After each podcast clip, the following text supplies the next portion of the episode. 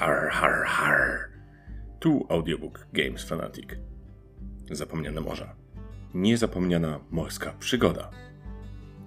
Tekst Piotr Propij-Wojtasiak czyta autor we własnej osobie. Opaska na oku, papuga na ramieniu, zbrodnia na myśli i ofiary na sumieniu. Tak pokrótce można opisać pirata. Morskiego wygę, rozbójnika na rozklekotanej łajbie, wiecznie węszącego za ukrytym skarbem i wciąż dopatrującego się zewsząd spisków. A przecież pirat to często też członek załogi.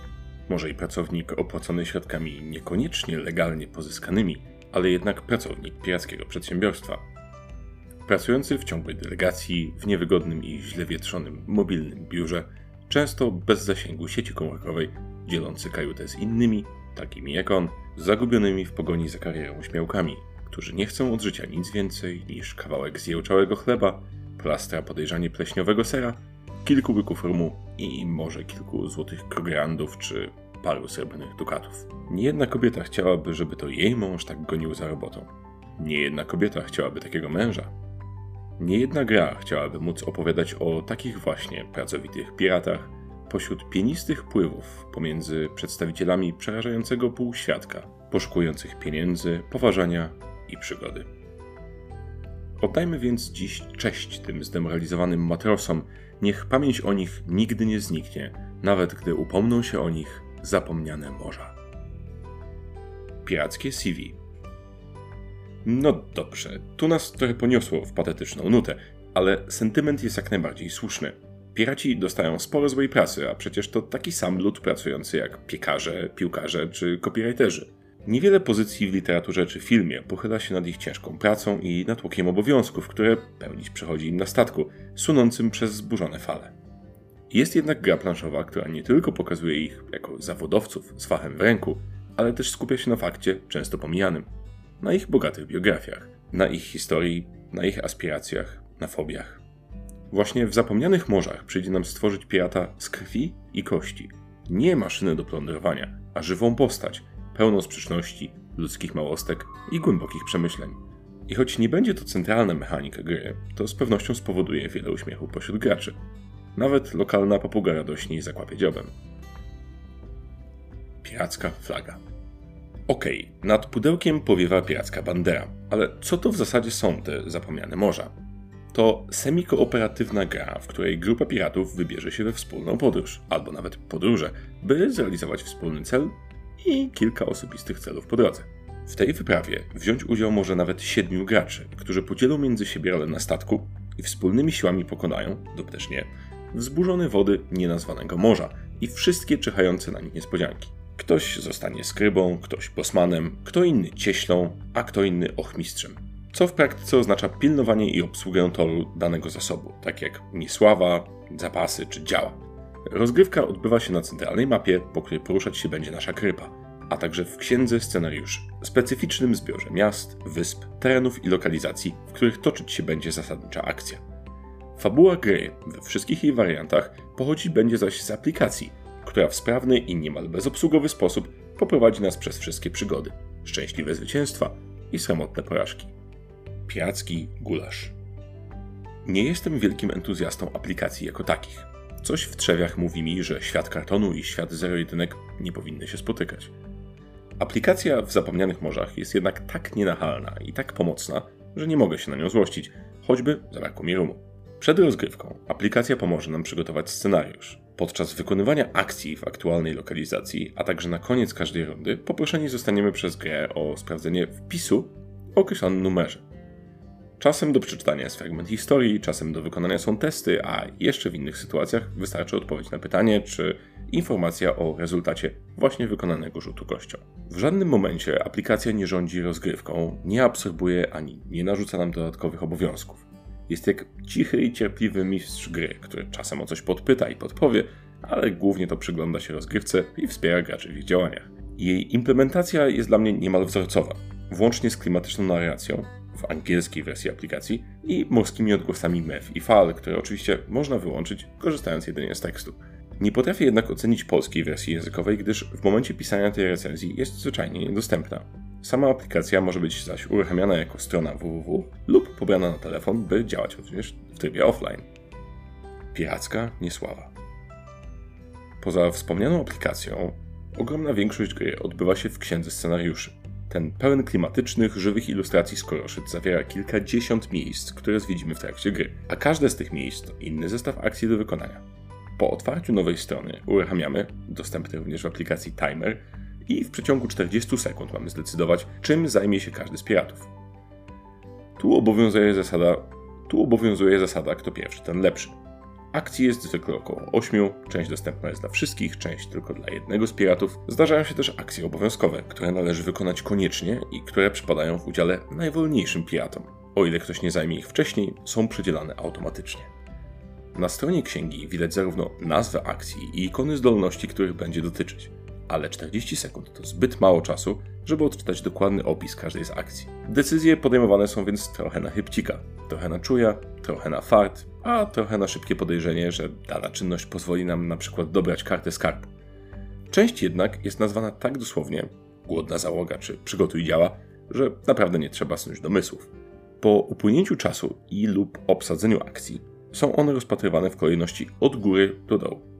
Akcje zwykle wiążą się z rzutem kostką, testem jednej ze zdolności, zdobyciem zapasów, odczytywaniem zapisków z dziennika pokładowego lub poruszaniem statku do innej lokalizacji. Słowem, każda akcja coś robi i chociaż niektóre z nich mogą wydawać się trywialne, jak przykład łowienie ryb włócznią, to ich zmienny przebieg, gdzie rzut kością często definiuje rezultat akcji, a niektóre z nich dają 3-4 opcje do wyboru lub pozwalają nam przeczytać kolejne wpisy fabularne, sprawia, że na stole cały czas coś się dzieje. I jest to emocjonujące.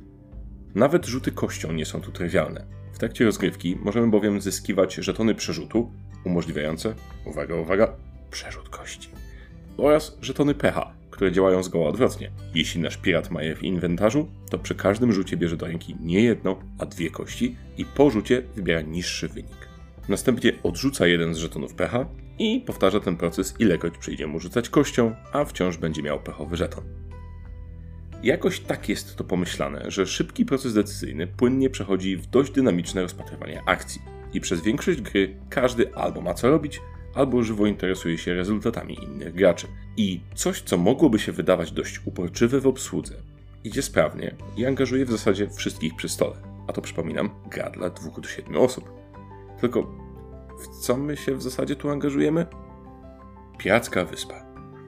Semi-kooperatywna natura gry wyraża się w tym, że oprócz celu wyznaczonego przez scenariusz, typu dopłyń do wyspy czy przetrwaj spotkanie z bestią, każdy z piratów ma swoje cele osobiste, zapisane w arkuszu gracza. Realizacja czterech z pięciu z nich oznacza indywidualne zwycięstwo. I tu robi się ciekawie, bo arkusze gracza są niepowtarzalne. Każdy z nich ma inny zestaw statystyk, zdolności, inną historię, inne cele i inną konstelację. Konstelacja to zbiór punktów, które zapełniać będziemy w trakcie gry, a które systematycznie pozwolą nam realizować kolejne z naszych celów. Najciekawsza z tego wszystkiego jest jednak biografia. Podczas tworzenia postaci, bo owszem, tworzymy tu postać i nadajemy jej imię, wpisujemy odpowiedzi na kilka pytań. Nie chcę spoilować konkretów, ale powiem, że potem odpowiedzi te pojawiają się jako elementy w narracji, biografii pirata, którą każdy z graczy odczytuje na głos przed rozpoczęciem rozgrywki. Nie spotkałem czegoś takiego w grze planszowej. Brzmi to jak mrugnięcie okiem do kanonu RPG. A ten zabieg w zabawny i przewrotny sposób buduje klimat dosłownie od pierwszej minuty gry, wciągając graczy w proces powstawania przygody i nadawania jej spersonalizowanego wymiaru. Żeby nie było tak różowo, gra ma kilka sposobów, by uniemożliwić nam wygraną.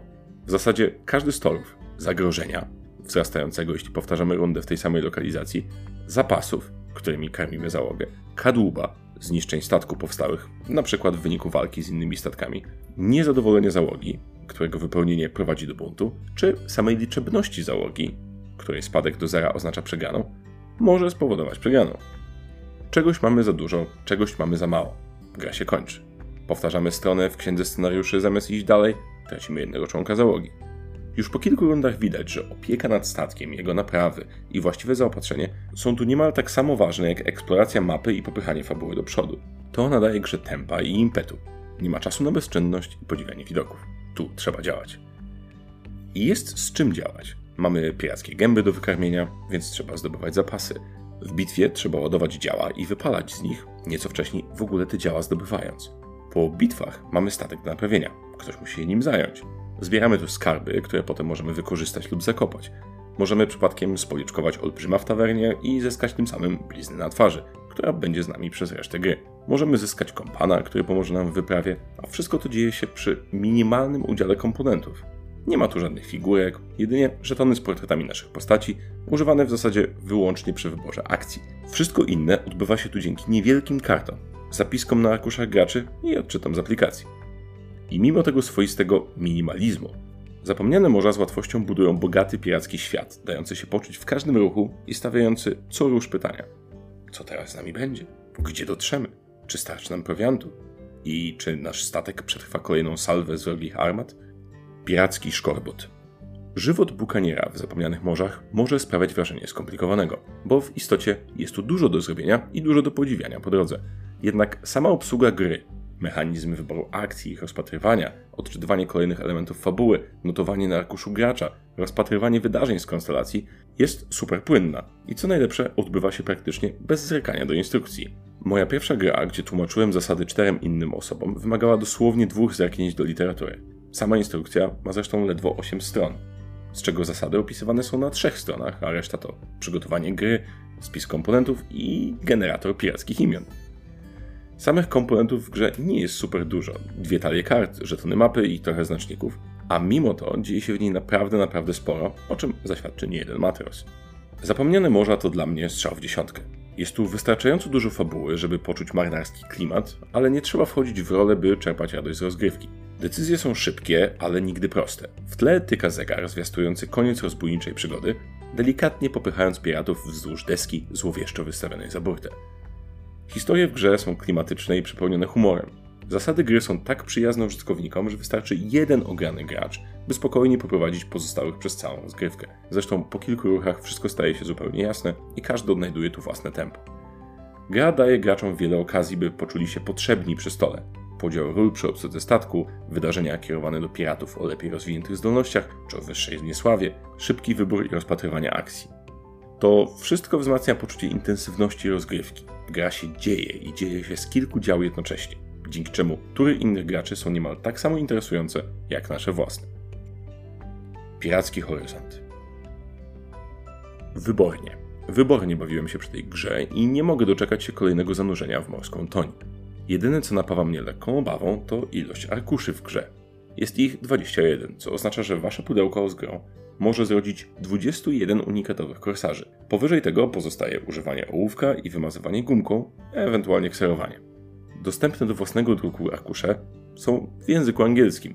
W chwili pisania tej recenzji nie otrzymałem informacji o planach udostępnienia polskiej wersji.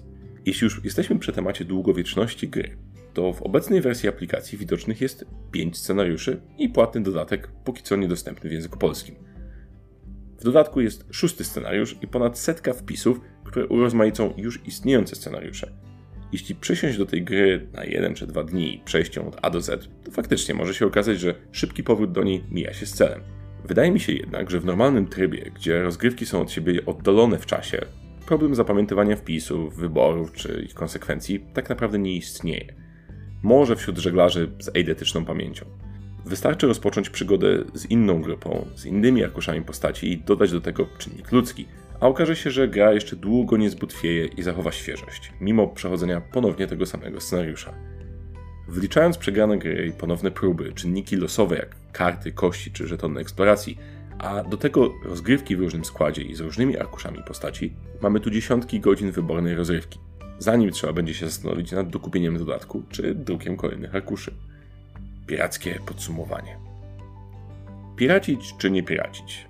Jeśli mówimy o podrabianych płytach CD, moja odpowiedź zawsze brzmi: oczywiście, że piracić. Jeśli zaś mówimy o planszowej przygodzie dla prawdziwych wilków morskich, mówię zdecydowanie piracić. Zapomniane morza dla mnie wypełniają wielką lukę w pirackich grach.